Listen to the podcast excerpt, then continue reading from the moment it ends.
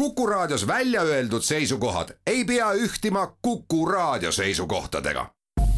Te kuulate Kuku Raadiot. ja nüüd kohe algab Juku Raadio. Juku-Kalle Raidi köögilaua taha ongi juba kogunenud kõikvõimalikud spetsialistid ja muidu toredad inimesed. tore, et sina ka tulla said. häid mõtteid toob Juku-Raadiosse Postimehe kirjastus seinad juba hiire kõrvul, igal uksel salasilm, kõrvad kikkis, kikivarvul kõnnin, aga külm on ilm. sõnad, tõde, õigus, töökus kõmavad ja kostavad, silmad luurel, seljad köökus, Õhtulehte ostavad eile hommikused noored, täna juba raukunud. olen üles kirjutanud. ma ei ole haukunud. Juhan Viiding. tere, hea Juku raadio kuulaja, ilusat esimest detsembrit kõikidele. ja Juku raadio saate elik köögilaua järjekorranumber on nelisada nelikümmend kaks antud hetkel, ütleb matemaatika aasta lõpp on sellepärast üks tore aeg. kui me jätame siin maailmas toimuva traagiga kõrvale, siis äh, ilmub äh, väga palju ägedaid raamatuid ja kes siis eelmist saadet kuulis, teab, et käis Tarmo Soomere, Teaduste Akadeemia president ja me pajatasime siis Ilmamaa sarjas ühest tema raamatust, kus on siis Tarmo Soomere esseistika, no see on kõik järelekuulatav. aga me räägime ka täna meil on ajendi andnud eh, üks eh, väga äge raamat, mida siis esitletakse tegelikult täpselt äh, nädala pärast, jah, nii. ja, ja see toimub Kirjanike Liidu Musta laega saalis Harju tänaval Tallinnas ja raamatu autor Jelena Skulskaja. see on meil väga pikaaegne keskus ja autor ja siin saateski köögilauaski käinud, on siis mul täna siin ja me räägime natukene. tšau, Jelena tšau, aga ma ütlen, et see on üheksas detsember. üheksas detsember ja kell viis. kell viis jah ja. ja., ootame kõike ja, ja raamatu pealkiri on Ga Dong Tao ja kui sa tahad teada, mis see tähendab, sina annad välja selle raamatu. jah, kes kussiga anname välja täpselt. jah, jah, tead, eh, see on kana eh, see on suur-suur kana, kes kakleb teise kanaga ja see on täitsa keelatud mäng, aga seda tehakse maailmas, neid on väga vähe jäänud, nad on hästi suured hästi tigedad ja nad kaklevad. Ja siis äh, üks äh, novell on sellest, kuidas äh, üks naine tahab, noor naine vaatab kunagi ta armastas oma meest, siis ta ei tahtnud seda näha, aga pärast, pärast ta vaatab, no ta saab aru, et seda armastust enam ei ole, aga vot äh, ta tahab vaadata, kuida-, kuidas see surm tuleb, kuidas see veri jookseb ja äh, kasutab võimalust vaadata, kuidas kaklevad need kaks kana. see on üks novell, noh, see ongi sul ilukirjandus, sest tegelikult on sul ka käsil praegu Keskussis üks pikem, pikem sari, millest siis detsembrikuu Keskussis on meil ka järjekordne tükk olemas, millest tuleb ka raamat ja siis ütleme see on siis juba nüüd esseistika, et, et see, see, see, mida me presenteerime üheksandal detsembril nädala pärast, see on siis äh, ilukirjandus. jah, ja esseistika, seda, mis tõlgid just sina äh,, raamatu tõlgis Ingrid Velbaum-Staub, aga esseistikat äh, suurepäraselt tõlgi, äh, tõlgid sina mitu aastat. ja see on siis neljas süžee maailma kirjandusest, uued süžeed, mis ilmusid äh,, me võtsime kakskümmend neli riigi, kakskümmend neli autorit, kakskümmend neli raamatut nii, aga peatame korraks nüüd äh, enne, kui me läheme, tegelikult me, ma ütlesin ka, et raamat on saate ajend äh, läbi kirjanduse. me räägime võib-olla natukene üllatavat, äh, hakkame rääkima veidi üllatavat ja ütleme ehk Eesti kuulajale veidikene harjumatut pilti, kus siis on kaks osapoolt, Ukraina ja Venemaa ja see sõda. me oleme nimelt harjunud, et suur osa venelastest on selle Putini ja sõja poolt, aga see pilt ei ole sugugi selline. ja ma väga mõtlesin, et me äkki, äkki peaksime ähm, siia natukene süvitsi minema, et, et äh, Venemaal jah, kaugeltki, vähemalt intelligents kaugeltki pole äh, kõik äh, sõja poolt, vaid täiesti vastu oksa, need olid väga väga üllatavad ja isegi jõhkravõitu lood, mida me siis täna pajatama hakkame aga enne veel korraks ikkagi siis sinu sellest uh, uuest raamatust, et sa võib-olla annad väikese ülevaate, me ei hakka äh, ilukirjandust ümber jutustama, see on ja, nagu täiesti ja. mõttetu värk, et seda ja. igaüks lugeda. tead, kõige tähtsam on see, et iga äh, novell, iga jutt on kõige pikem no mitte pikem kui kaks lehekülge, poolteist lehekülge, üks lehekülg ja see on välja tiritud elust mingi, mingi asi, mingi juhtu, mis juhtus inimesega, seal ei ole algust, seal ei ole lõppu, seal ei ole ole moraali, seal ei ole, et vot peate käituma nii või naa. aga lihtsalt selline pilt, mille järgi inimene saab aru, et tema elus oli ka sellised asjad. Ja selle peale võiks mõelda, et millega see võib lõppema, et no näiteks mees enam ei armasta naist kuidas ta võib teda äh, kodus hoida ja jätta, kas peab jätma. Äh, et ta pakub talle sellist varianti, et tead, ma tahaks, et noh, kui sul tuleks mingi õudne mm, haigus ja siis kõik tunnevad mulle kaasa, kui sa ära sured, ära sured ja kõik tunnevad mulle kaasa. no tead, natukene võtad mingit mürki, aga mitte nii, et kohe ta ütleb, no tead, ma poon end üles ja ma lõpetan elu. ta ütleb ei, ei, ei, siis ei ma ei saa kohe abielluda, aga tead, meie äh, minu armukesega, me tahame, et see läheks kõik ilusasti välja, vot tead, teeme niiviisi, et sa ikka aeglaselt sured ära ja kõik tunnevad meile kaasa. Need tegelikult mõned sellised, see on muidugi absurdistlikud novellid, aga me saame aru, et igaühel juhtuvad sellised asjad. Äh, ja neid on väga palju venelastel on üks väga äh, lahe film, ma ei tea, kas sa oled äh, seda näinud, ongi noh, kui me tõlgime ta ära nüüd, siis on ta mürgitamise ajalugu mis siis koosnebki ajaloos ennast ja teisi mürgitanud inimeste lugudest, aga Aha. see on siis sellises, ütleme, kostüümikomöödia äh, võtmes tehtud. ja teate, mõnes mõttes mul on ka selline äh, huumor, mis on alati surmaga seotud, sellepärast et ma mõtlen, et surm on see, mis meid kõige hirmutab, pakub huvi ja keegi meist ei tea sellest mitte midagi nagu jumalastki. et see ei ole see, mida saab puudutada, näha, aga kõik me teame tea, mis tähendab elu, mis tähendab armastus, aga ei tea, mis tähendab surm ja mis tähendab Jumal. võib-olla sa, Jelena, räägid ära ka eh, inimesed, kes ei ole näiteks novembrikuu Keskussi lugenud, sul on seal eh, sul on selleks väga äge tagasivaatamise lugu siis Eesti Kirjanike Liidule, mille liige sa, eks ole, ja oled aasta, aastaid, aastaid, aastaid. nelikümmend kolm. nelikümmend kolm, täpselt nii nelikümmend kolm aastat Eesti Kirjanike Liidu liige oled olnud. Ja need on siis nüüd ütleme mm, lood kirjanike liidus aset leidnud sellistest, ütleme, valgetest valedest, et, et mismoodi siis äh, ka toona nihverdati, ütleme siis no, oludest ja seadustest selles samas liidus öö, kõrvale ja seal on ka üks surmaga seotud episood, mis on jube naljakas tegelikult äh,. äh millest, mida ma, sa mõtled? ma mõtlen, ma mõtlen seda, mm, kui noorte kirjanike delegatsioon ja, ja, ja. pidi Moskvasse minema, mis aasta nüüd see oli, see oli aasta seitsekümmend üheksa ja Jaak Jõerüüt oli siis äh, Kirjanike Liidu sekretär ja siis valiti öeldi, et Eestis tuleb kümme noort luuletajat. Lähevad Moskvasse lugema jah, ja siis Kirjanike Liit, Jaak mõtles välja niiviisi, et ta valib üheksa Eesti luuletajat ja unustab panna nende tõlgimist äh, tekstid, et ainult eesti keeles ja Moskva väga hästi võttis vastu, väga. aga ilus. see oli sellepärast, et, et neid, neid, neid ei kontrollitaks üle. no ja kuidas sa kontrollid eesti keelt. Moskvas, aga mina olin see kümnes, äh, kes kirjutas vene keeles ja siis tuli vastus, et teate, need üheksa meile väga meeldisid. see, vot see. ise nad ei saanud mitte tuhkagi aru. absoluutselt, absoluutselt absoluutselt muidugi, aga teate, vot see Skulska on vastik, võtke teda maha ja Jaak vastas, et teate, meile ka ei meeldi absoluutselt see Skulska üldse ei meeldi. kirjutab Suurmast. ei, Suurmast. ei ja... ole, ei ole nõukogulik vaade. absoluutselt ei ole ja meil selliseid kirjanikke, me ei taha neid, ma väga imelik, et te üldse pakkusite meile Moskvas sellist luuletajat.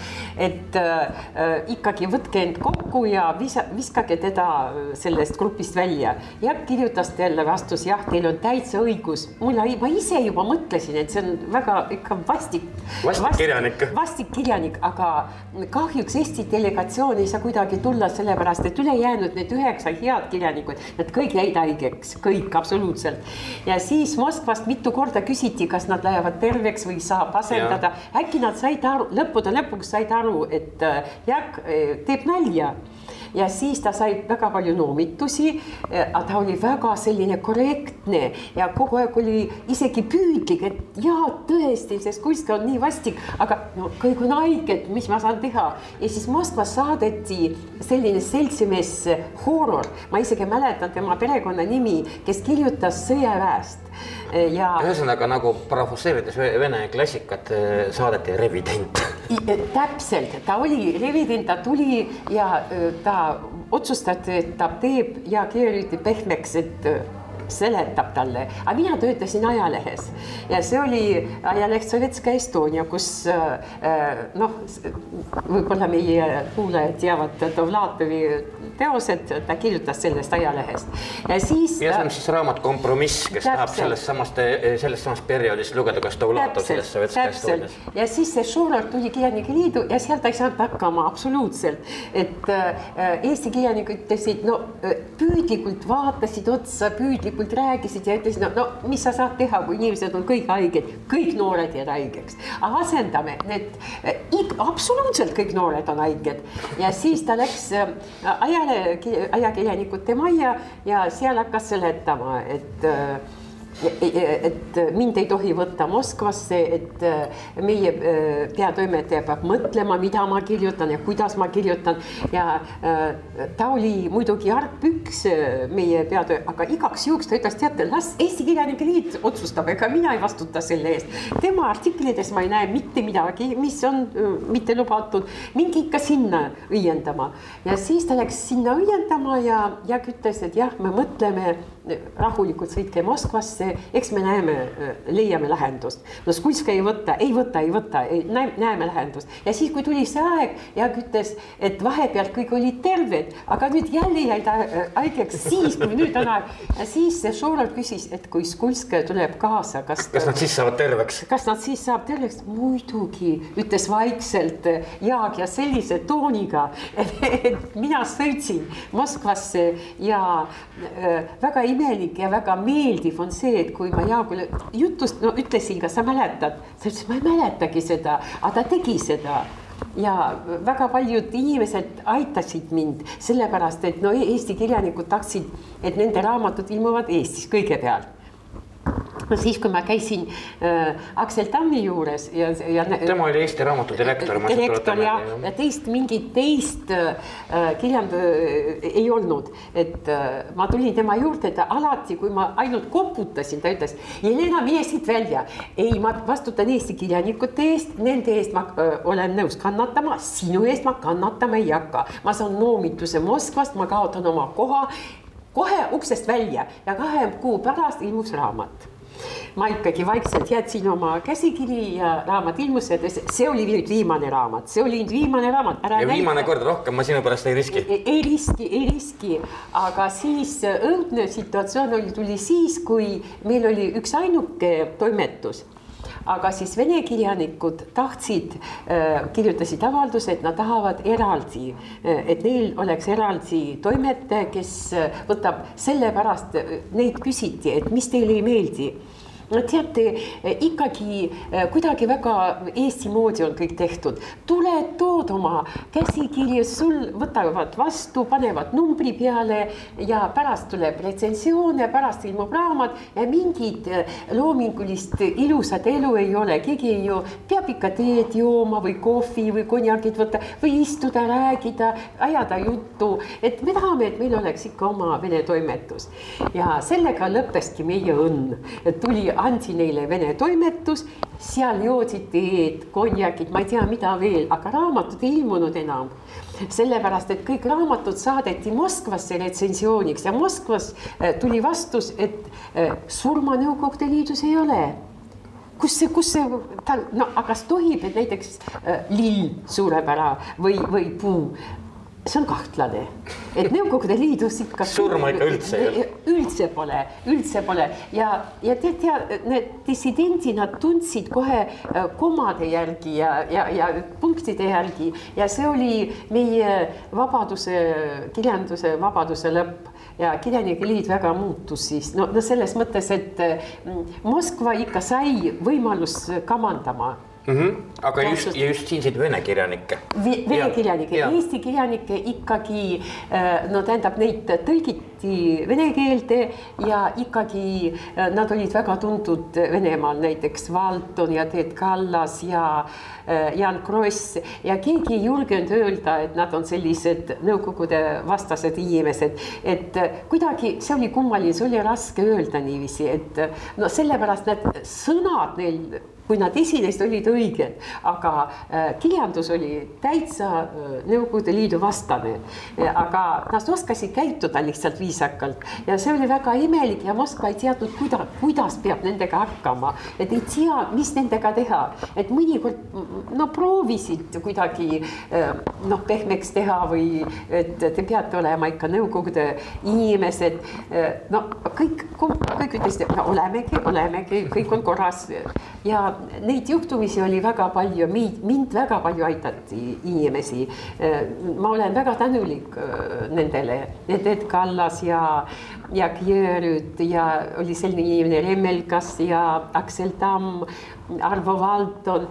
tead, kui võtta tolleaegse äh, klassikuid või nimekirja äh, tuntud kirjanikud, kõik aitasid mind ja veel, eks seal oli ju see jälle, et noh, eks, eks te loete novembrikuu keskusest ise, kes, kes huvitub asjast, aga Enno Etemaaga oli ju siis ka Ja. üks väga, no see on nagu täiesti jabur lugu ja Jelena, palun räägi see ka ära, et mis, mismoodi, mismoodi siis.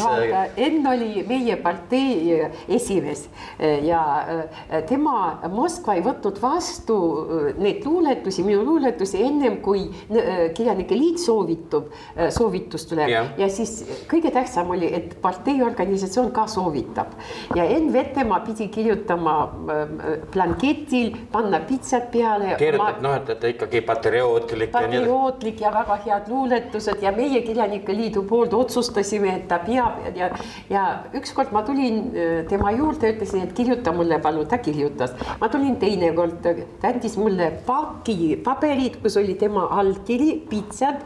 Äh, no kõik see paber oli, ütles, et mine need lolljutud, kirjuta ise kõik, mis sa tahad. kirjuta, sa tahad suure kommunisti pärast või yeah, ükskõik, mis tahad.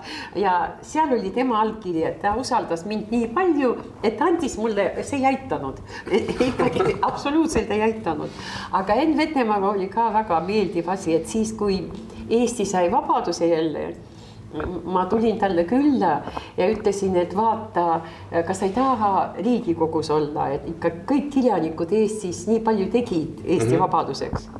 ta ütles, tead, õudselt tahtsin. vaatasin peeglisse ja ütlesin iseendale, olid sa kommunistliku partei liige? olid.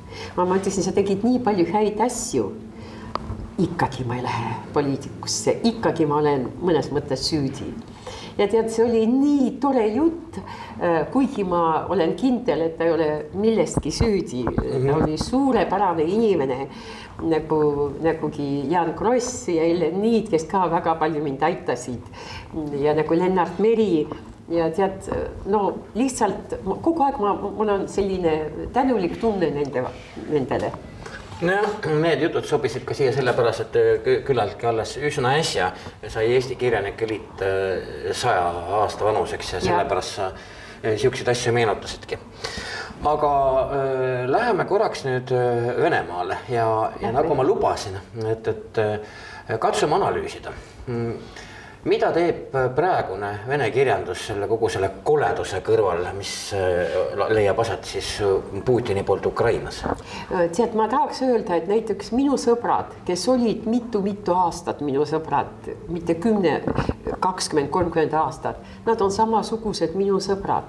me mõtleme, äh, meil ei ole konflikti, ükski nendest ei mõtle teisiti. teine asi, et kes nendest äh, leiab võimaluse seda avaldada võimaldada. jah, enamasti neist sõitsid Venemaalt ära ja nad kirjutavad mulle kuskilt Iisraelist, Kanadast, Ameerikast, näiteks Gruusiast või kuskil sealt, et nad on sealt, noh, nad ei tunne. Ennast hästi seal Putini Venemaal lihtsalt. Nad läksid sealt ära, aga paljud jäid ja vot nendest ma tahaks rääkida, et nemad andsid välja praegu Peterburis Ivan Limbach, konkreetne inimene, kes andis oma kirjastust, tal on oma kirjastus, ta andis välja luulekogu, kus on avaldatud äh, rohkem kui sada autorit, kes kirjutavad selle sõjavastased luuletused. jah, nendest paljud elavad väljaspool Venemaalt, aga paljud elavad ka Venemaal ja näiteks Vadim Šuk, kes elab minu am, noh, ammuaegne sõber tema on seitsekümmend viis praegult ja ma ütlesin talle, et tema kirjutab iga päev ja paneb Facebooki oma luuletust, sõjavastased, no Venemaa vastased ja mm -hmm. noh Ukraina poolt mm. -hmm. ja tema siis, ma ütlesin talle, et sa oled ikka, sa ei ole enam noor inimene, et et ükskord tuleb, viivad sind vanglasse lihtsalt ta ütles, tead, ma olen täiesti valmis, asjad. niikuinii juhtubki jah.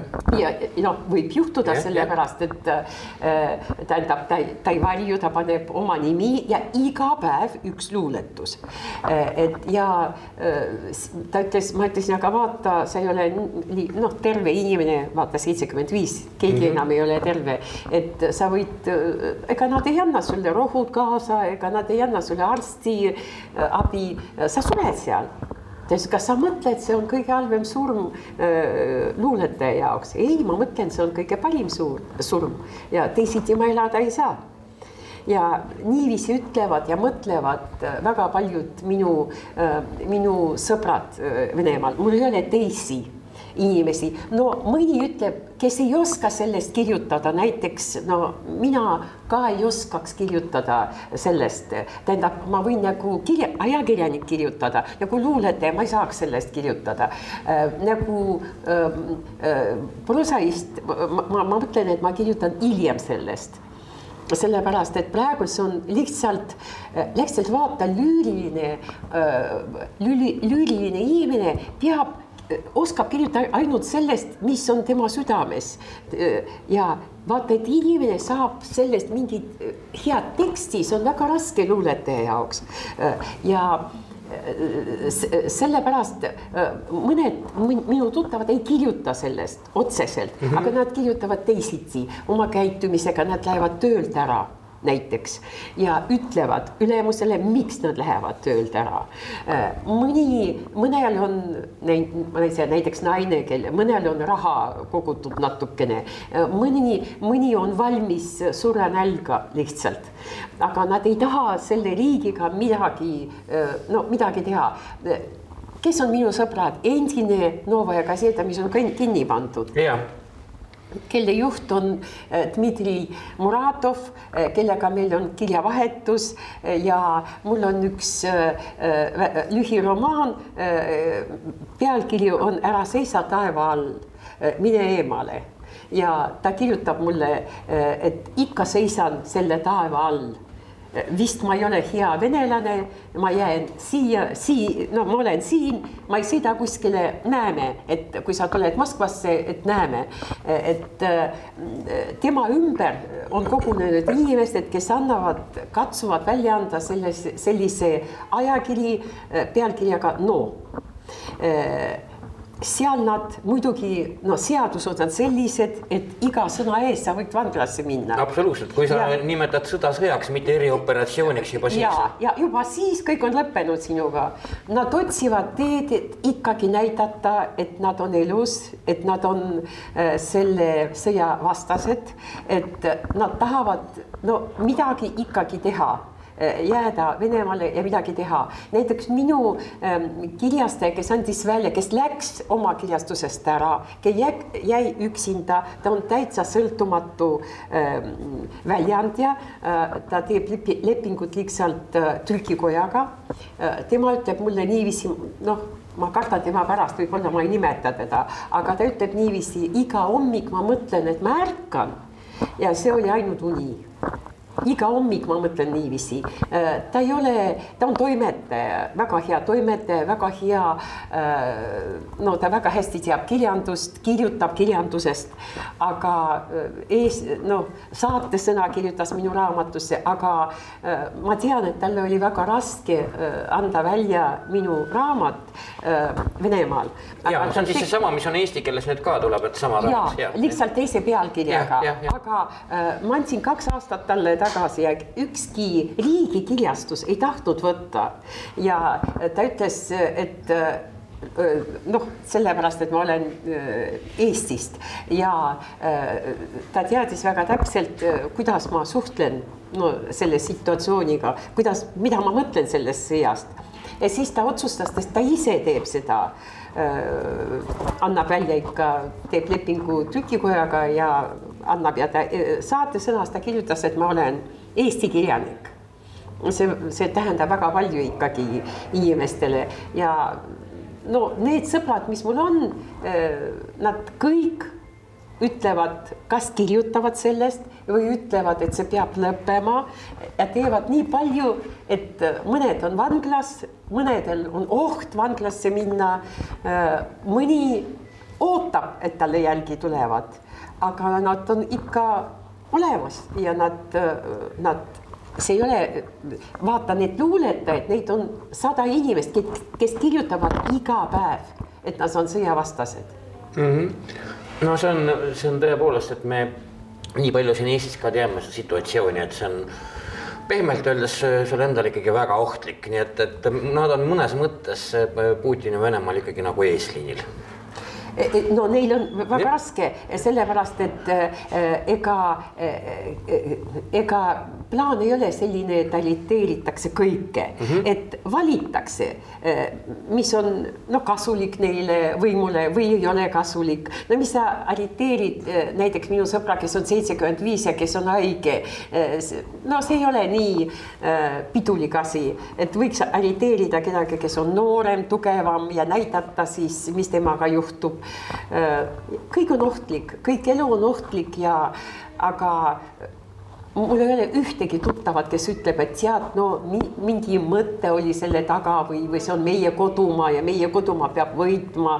Äh, kõik, kõikidel on väga raske elada, sellepärast et äh, vih-, vihkada, no tun-, tunda viha oma kodumaa vastu on väga raske, see on väga piinlik tunne ja mina väga hästi mäletan, et kui ma olin lapsepõlves, siis ilmus selline suur raamat, kus olid äh, need vene luuletajad, kes äh, said surma teisel maailmasõjal. ja kui ma lugesin, nad olid noored poisid, äh, väga andekad, oli paks raamat meie kodus ja mina nutsin, kui lugesin neid häid luuletusi ja nüüd ma loen täpselt samasuguse, no täpselt sama paksu raamatu, kus on vastupidi.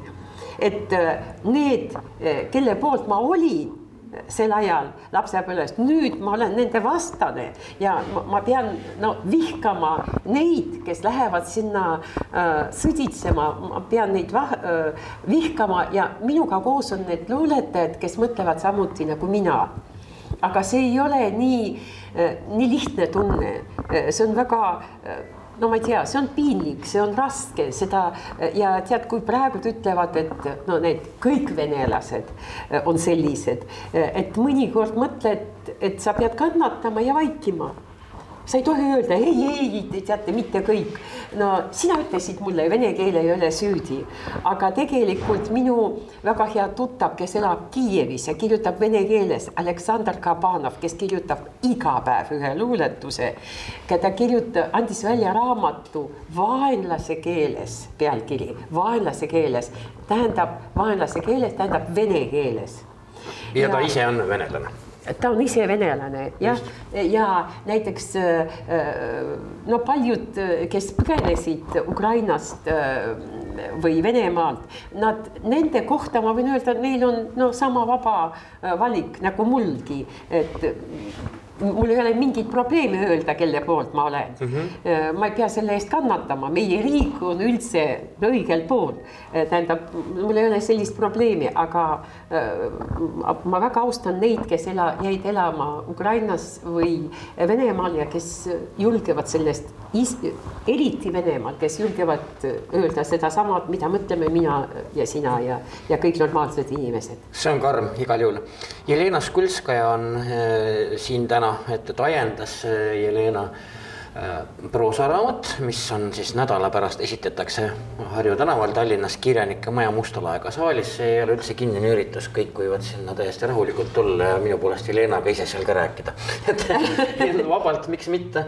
Äh, see andis mulle ajendi jah, Helena külla kutsuda, aga rääkida üldiselt ka siis äh, tänasest vene kirjandusest ja just nendest inimestest, kes, kes Venemaa teguviisi pärast häbi tunnevad. me teeme Jelenaga ühe pisikese pausi ja oleme kohe tagasi ning siis äh, jätkame. Te olete Kuku raadio lainel ja kuulate Jukuraadiot. häid mõtteid toob Jukuraadiosse Postimehe kirjastus.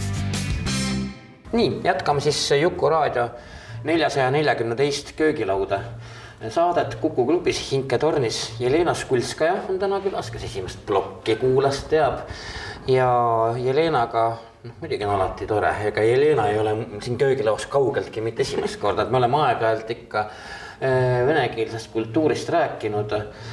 ja nüüd on meil paraku on äh, kahjuks on need ütleme ma tõesti ütlen, et need enam-vähem head ajad, kui, kui, kui äh, ütleme, Vene võim püsis omal maal. Ja, ja ei sooritanud genotsiidi, mis praegu Ukrainas juhtub siis oli vene kultuurist täitsa võimalik rääkida ja me tõesti saime aru, et vene keel pole süüdi. nüüd aga on nendel endal, nendel venelastel, kes ei ole mitte kuidagimoodi, äh, ei, ei suuda, ei saa nõus olla intellektuaalina, luuletajana, kirjanikuna sellega, mida äh, paneb toime Putinlik võim ja tead, mismoodi nad siis selle vastu on. ja siis, kui sa esimeses plokis ütlesid ka, et just äsja ilmus saja autoriga luulepuu, kes kõik nad sedasama võimu vastu kirjutavad. nii et mõnes mõttes võib öelda, et niisugune dissidentluse aeg on ju noh, tagasi tulnud ringiga kindlasti on tulnud ja kindlasti on need inimesed, kes no ma pean ütlema, et on mõned, kes ei oska lihtsalt sellest kirjutada, ei oska. Eh, et eh, nad kirjutavad eh, ajaloost näiteks või kirjutavad mõned teised asjad, mis ei ole otseselt seotud tänapäevaga mm, -hmm. aga siis, kui nad sellest räägivad sõpradega ja või telefoni kaudu, mida kuulavad või Skype'i kaudu, mida kindlasti kuulavad. ja, ja või, või ükskõik mismoodi täitsa vabalt, täitsa avalikult räägivad sellest ja mõnikord ma juba mõtlen, ma hakkan nende pärast kartma, et aga ikkagi neil on selline tahtmine ja vajadus sellest rääkida. ja nüüd, kui ma sõidan Venemaale, ma tean, et nad väga ootavad mind ja nad kadestavad mind selles mõttes, et mul on võimalus mõelda ja rääkida sedasama, mida ma mõtlen. Nad, nemad peavad kogu aeg riskima, kogu aeg mõtlema, et üks päev äh, uks läheb lahti ja, ja neid võetakse ja viivad vanglasse. ma ei tea, kas praegult on selline olukord, et kõik teisele no kõik, kes räägivad, et keegi külaline kirjutab kuskile et.... jah, et, et noh, jah nagu julgeolek ühesõnaga. jah, vot ma ei tea, kas on juba need ajad tagasi tulnud, aga täitsa võimalik, et selline variant on ka võimalik. aga neid, kes, kes ei taha sellest midagi teada, neid on väga vähe ikkagi inimesed teavad ja neil on häbi ja neil on selline õudne tunne, nad ei taha kuskil rääkida vene keeles. et äh, tulevad koju, räägivad vene keelt, lähevad välja ja neil on endal no selline piinlik tunne, et see keel ei ole, ei ole enam see äh, armas keel, mida me jumaldasime ja no see on väga, väga, väga, väga väga ras-, raske tunne, mõnikord sa mõtled, et äh, et kõik teised keeled ei ole süüdi, et just sinu keel on süüdi, just sinu keel on vaenlaste äh, keel. Ja see on väga raske tunne. Kuigi, kuigi ma olen kindel, et näiteks, vot näiteks ma vaatasin mm, nüüd äh, nelikümmend, äh, nelikümmend nelisada viiskümmend üks kraadi Fahrenheiti Jah. äh, Linnateatris. ja see on Linnateatri uus etendus. ja, ja tead, ma vaatasin ja mul oli väga äh, südamel väga hea tunne, sellepärast et lõpus, kui nad koh-, kui, kui äh, nad hävitavad kõik raamatuid, eks ju, ja siis lõpul äh, peategelane kohtub nendega, kes õppisid pähe mõned raamatud ja Ray Bradbury nimetab hoopis teisi raamatuid, kui Linnateater nimetab Dostojevski, nimetab Tolstoid, Bulgakovi, Vladimir Nabokovi. Ja minu jaoks oli nii suur üllatus ja minu jaoks oli see nii tähtis, et see lavastus näitab, et ikkagi maailma äh, suur kirjandus on ikka üks nad on, see on seotud. Ja praegu toimub Venemaal need õudsad asjad, aga Dostojevski jääb, Puškin jääb, Tolstoi jääb, nad tulevad tagasi. võib-olla praegult me ei taha neist kuulda, aga nad tulevad tagasi, nad on, nad ei kao kuskile. Ja minu jaoks oli väga tähtis. Ja ma mõtlen, et kaitsta vene keelt ja vene kultuuri parimaid asju peavad siin Eestis, kui saavad eestlased, mitte venelased, vaid hoopis sellised eestlased, kes vaatavad edasi, kuidagi mõtlevad, mis pärast saab ja näiteks Linnateater teeb selleks väga palju. Nad lavastasid Revidenti ja nüüd see uus lavastus ka näitab seda seisukoha mm. -hmm. minu jaoks on väga, ma olen väga tänulik, kui vene inimene sellest räägib, sellest ei ole väga palju noh see ei ole nii sügav, see ei ole nii noh, see on minu keel, minu kirjandus, minu minu kultuur ja mis sest, no ta jääbki minu kultuuriks, ma ei saa, kas, kas mul häbi on või ei ole, aga kui sellest räägib mõni eestlane, minu jaoks on suur kingitus. Ja kui sa räägid nendest oma Venemaal mm, elavatest sõpradest, jah, täpselt seesama raamat, mis on siis järgmine nädal on eesti keeles esitlusel, tuleb ka venekeelsena ja Venemaal välja, et noh, esimeses plokis sa sellest rääkisid ja pajatasid vähekene. siis tekib ju alati küsimus, et kui palju on Venemaal neid inimesi, kes siis julgevad noh, sellele samale režiimile vastu astuda, kasvõi siis nagu sinu sõbrad, et kes kirjutab luuletust, kes raamatut, kes läheb töölt ära, kes midagi eh, teeb. ja kui raske neil tegelikult on muust massist eristuda, sest vabandust väga, et, et nad võivad ju oma kaaskodanike käest nii-öelda peksa saada jah, tead, see on tõsi, tõsiasi, sellepärast et äh, tõesti äh, praegult on väga hea Venemaal võimalus saada endale selle koha, millest sa unustasid, unistasid, unistasid. näiteks sa tahad olla äh, teatri kunstiline juht no kus sa saad, sul ei ole annet, sul ei ole võimalus keegi, aga näed see, kes oli, ütleb, ma ei taha siin riigis elada, ma ei taha siin teatris töötada, ma lähen ära ja sa kohe võid saada selle koha, kui ainult sa ütled, et sa oled Putini poolt või sa oled siia selle sõja poolt ja kohe sa saad selle koha. kui sa saad raha tahad teenida, sul on suured võimalused ega sa ei pea pingutama, sa pead ainult ütlema, et jah, muidugi teist võimalust meil ei olnud, me pidime mm,. Ukrainale kallale minema. minema ja palun väga, sul on juba korter, sul on karjäär, sul on äh, need rollid, mida, millest sa unistasid äh,. sa saad endale teatri, sa saad endale raamatuid, sa saad endale kõik, mis sa tahad. kõik, mis on ja tead, paljud inimesed mõtlevad, miks mitte, miks mitte, kasutan seda võimalust ja kasutavad. ja isegi need, kes lähevad ära ja sõidavad ära, nad ütlevad, noh, saame nendest ka aru, et inimene otsib, kus on paremini, kus saab kasutada ja praegult on selline situatsioon, et ühed lähevad ära ja nende kohtadele lähevad need äh, kultuurireeturid, kes nüüd juhed, no saavad juhtida seda kultuuri ja see on kõige õudsam asi. No me, te, me, me teame seda kolmekümnendate aastate Nõukogude Liidust väga hästi, kus oli üldiselt mm, no okei okay,, need meetodid olid jõhkramad, aga noh, me ju ei tea, millega see kõik lõpeb, seepärast et no Putini Venemaa ka, muutub ju iga äh, nädala ja kuuga järjest jõhkramaks ka oma kindlasti. inimeste vastu, oma inimeste vastu. kindlasti ja need oma inimesed alati kannatavad palju rohkem äh, kui, kui teised.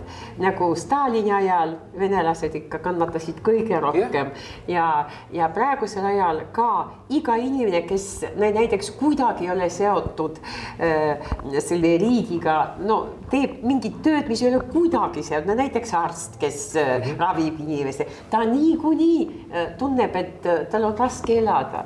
sellepärast no, no, no mida teeb sinu riik, sa oled, no sa ei saa seda kannatada, sa ei saa sellega elada, sul on vastik seal elada. ja sa oled arst, sa ei saa kuskile minna, sa ei tohi ära sõita nojah, sa ei saa, sest et, et selles lõppkokkuvõttes ma ei, ei pruugigi rääkida ainult Hippokratese vandest, aga, aga on mingi teatud mingi südametunnistus. mis sa ikkagi arvad, sa lähed Venemaale, mis sa arvad, millise meeleolu sa sealt eest võiksid leida, eks ma pärast küsin su käest kindlasti.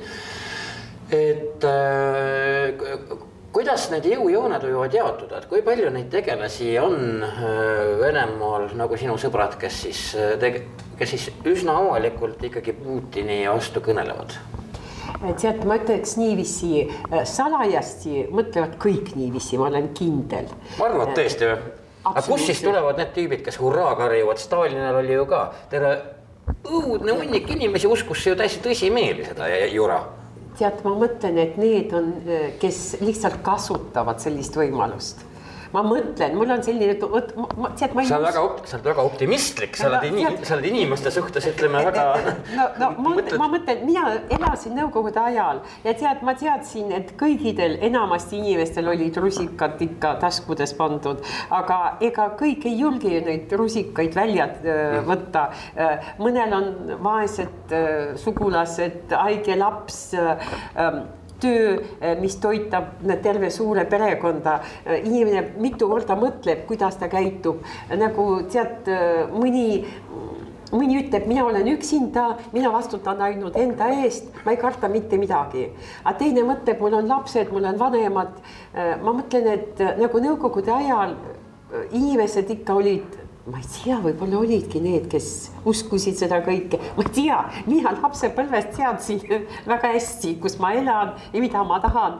ja ma olin äh, selle poolt, et äh, Eesti saab vabaks ja tead, kui äh, mulle just hea Georg helistas ja ütles aasta üheksakümmend, üheksakümmend üks, ütles, et tead, Kirjanike Liit sai kaks kohta, mis ta võib pakkuda kodakondsust, eks, et mm. -hmm kohe ma viis minutit tagasi meile teatati, ma kohe helistan sulle ja küsin, sa võid mõelda, no näiteks nädal aega sul on, ma ütlesin, tead, ma ei hakka mõtlema, ma olen, kohe võtan.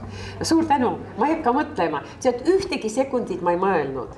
ma tahtsin, et Eesti saab vabaks ja et ma jään siia elama, kuigi äh, sa tead, et ma kirjutan vene keeles ja, ja, ja, ja, ikka vene keel ja vene kultuur on minu kodumaa selles mõttes, et ma olen kasvatanud. aga kuigi paljud minu tuttavad ütlevad, et sa oled ikka eesti kirjanik, Venemaal ütlevad, et, et see on isegi. no sa kirjutad teistmoodi teistmoodi, isegi selles saatesõnas, mis minu väljaandja kirjutas, tal pikalt kirjutas, ta ütles, et see ei ole vene kirjandus, see on mingi Euroopa kirjandus, kus teistmoodi mõtlevad, teistmoodi äh, kompositsioonid tehakse, teist, teine, no see on, me oleme kõik noh, moraal on üks ja üks, aga no ikkagi mõned asjad ta täitsa Euroopa moodi või Eesti moodi. ta ütles, et no ta teab ikka vene, eesti kirjandust ja ta ütles, et mina ütleks, et teie olete ikka eesti kirjanik, mitte vene kirjanik. ükskord mulle niiviisi ütles äh, äh üks Inglismaalt tulnud äh, inimene, kes valdab vene keelt, kes luges minu romaani ja ütles, et äh, et ma lugesin teie romaani vene keeles, et äh, ma ei, ma ei, kahjuks ma ei tunne vene, eesti keelt, kas originaalis te kirjutasite eesti keeles? ma ütlesin ei, ma kirjutasin, ei, ma kirjutasin vene keeles, ta ütles aga ma tundsin, milline on Eesti ja milline, milli-, et nii tähtis, et vene kirjanduses on üks selline Eesti saar, mida ma nägin, millest ma sain aru, et ma sain aru, et te olete täitsa Eesti kirjanik. ja no eesti keel täitsa hea elab Londonis kuskilt, aga tuli, käis Moskvas, me saime tuttavaks ja ta rääkis mulle, ta on no vene, vene kultuuriteadlane mm -hmm. oma Inglismaal. nii et, et no igasugused mõtted sellised on, et ma olen nagu, tahaks ehitada need sillad, mida ma ehitasin terve elu eestlaste ja venelaste vahel, et ma olen väga tänulik Eesti riigile, et ta andis mulle väga palju. ma, ma mõtlen oma tuttavaid, oma sõpru, oma, tead, ma sain aru, et Kirjanike Liidus, sa tead, kui konfliktne inimene ma olen. milline hüsteerik ma olen, sa tead väga hästi. kuidas ma. sa oled pabistaja. pabistaja, kogu aeg solvun, kogu aeg midagi mõtlen. tead, ma sain aru, et nelikümmend kolm aastat ma olen Kirjanike Liidus, mul ei olnud ühtegi konflikti, ühtegi nende as-, igal pool mul, ma töötasin teatris, ma töötasin ajalehes, igalt poolt ma põrutasin ust, läksin ära, igalt poolt, ainult kaks äh, asja, siis kui me tegime sinuga patareiad äh, Eesti Televisioonis yeah kirjanike liidus, eks ju, ja praegult mul on äh, Raadio neli äh,, mul on äh, saade, oma saade, kus Ingrid Janson, minu mm, helirežissöör ja minu ülemus, kellega mul ka viis aastat teeme koostööd, ühtegi konflikti ei olnud. tead, see on minu koht, see tähendab, see tähendab, et see on minu koht, kus mul on, no kuidas ma, ma ma saan aru, et äh, ma ei taha olla, ma ei taha öelda, et tead, nüüd ma olen eestlane, nagu paljud venelased praegu ütlevad. tead, ma ei olegi enam venelane, ma olen eestlane, ma ei taha, ma ei taha vastutada ikkagi kõige eest, mis juhtub minu kultuuris ma ei taha öelda, tead, ma olen eestlane, ma ei tea, las nende vene kultuuris juhtub ükskõik mida. ei, ma olen vene kirjanik, ma jään vene kirjanikuks ja nii palju, kuid vihkavad venelasi, vene kultuuri, vene keelt, nii palju las vihkavad ka mind.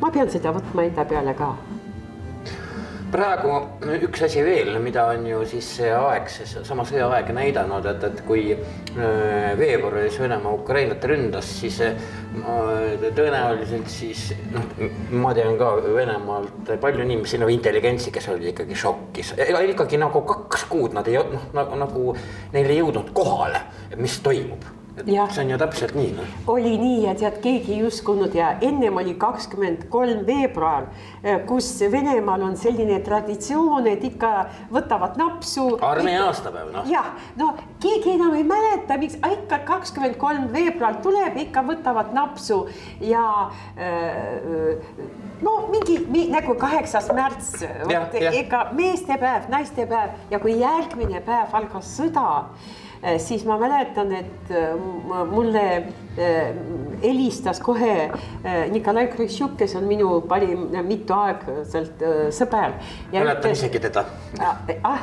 oled, oled minulegi teda tutvustanud. ja, ja sina, sina tunned teda ka ja on meil koos pilt temaga ja tema ütles, et, et tal terve päev, kui ta sai teada, tal terve päev, mitu päeva tal oli selline tunne, et see on nali mm, -hmm. et lihtsalt keegi mängib mängib mingit mängu ja pärast ütlevad, oh, no esimene aprill, väga, et äh, midagi sellist ei ole, ta ei, ta ei, ta ei uskunud, et äh, see juhtus. Ja mul olid väga paljud inimesed, kes ütlesid, et see on võimatu, et tänapäeval on sõda, ära räägi, see on võimatu, aga pärast hakkasidki paljud hästi ruttu hakkasid äh, kohvrid kokku panema ja sõitma ära.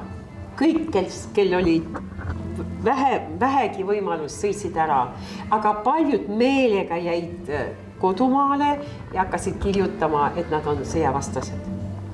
Nii on ja see, selle üle on meil ka kasulik äh, mõnikord järgi mõelda, mitte lüüa väga laia lauaga kõiki tegelasi, eks ole, sest et Venemaal on palju inimesi ja, ja me tegelikult teame küll, et, et kaugeltki kõik ei, ei ole sisemiselt mingid putinistid ja see võib-olla annab tegelikult Venemaale lootust. aga nüüd me lõpetame selle oma tunnikese praegu, Helena. ja ma siis tuletan veel meelde, et, et tõepoolest, et see sinu üks, noh, põhiline ajend, miks ma sind külla kutsusin, on siis soovitan tõesti üheksandal detsembril äh, kell viis õhtul tulla Kirjanike Liitu Harju kuus Harju üks. Harju üks jah, kurat. ja Harju üks ja sina, sina räägid seal. ma siis. kindlasti räägin jah ma kindlasti räägin. näevad sind ka. et tulge täiesti kindlasti kohale Ra, raamat on väga hea ja niikaua siis äh, mõtleme veidi äh, selle üle, et, et kuidas niisugune Putini algatatud hullumeelsus äh, ei mõju mitte ainult Eestis või Ukrainas, vaid tõepoolest ka äh, nendel tüüpidel, kes selle pärast siirast häbi tunnevad ja on venelased. aga Jelena, suur aitäh sulle, et sa viitsisid täna tulla aitäh sulle. olge mõnusad, järgmine nädal on neljasaja neljakümne kolmas Jukuraadio ja siis kohtume Skulska ja raamatusitlusel kõik. olge mõnusad. aitäh. seinad juba hiire kõrvul, igal uksel salasilm, kõrvad kikkis kikivarvul kõnnin, aga külm on ilm. sõnad, tõde, õigus, töökus. Kõmavad ja kostavad, silmad luurel, seljad köökus, õhtulehte ostavad. eile hommikused noored, täna juba raukunud, olen üles kirjutanud ma ei ole haukunud. Juhan Viiding. häid mõtteid toob Jukuraadiosse Postimehe kirjastus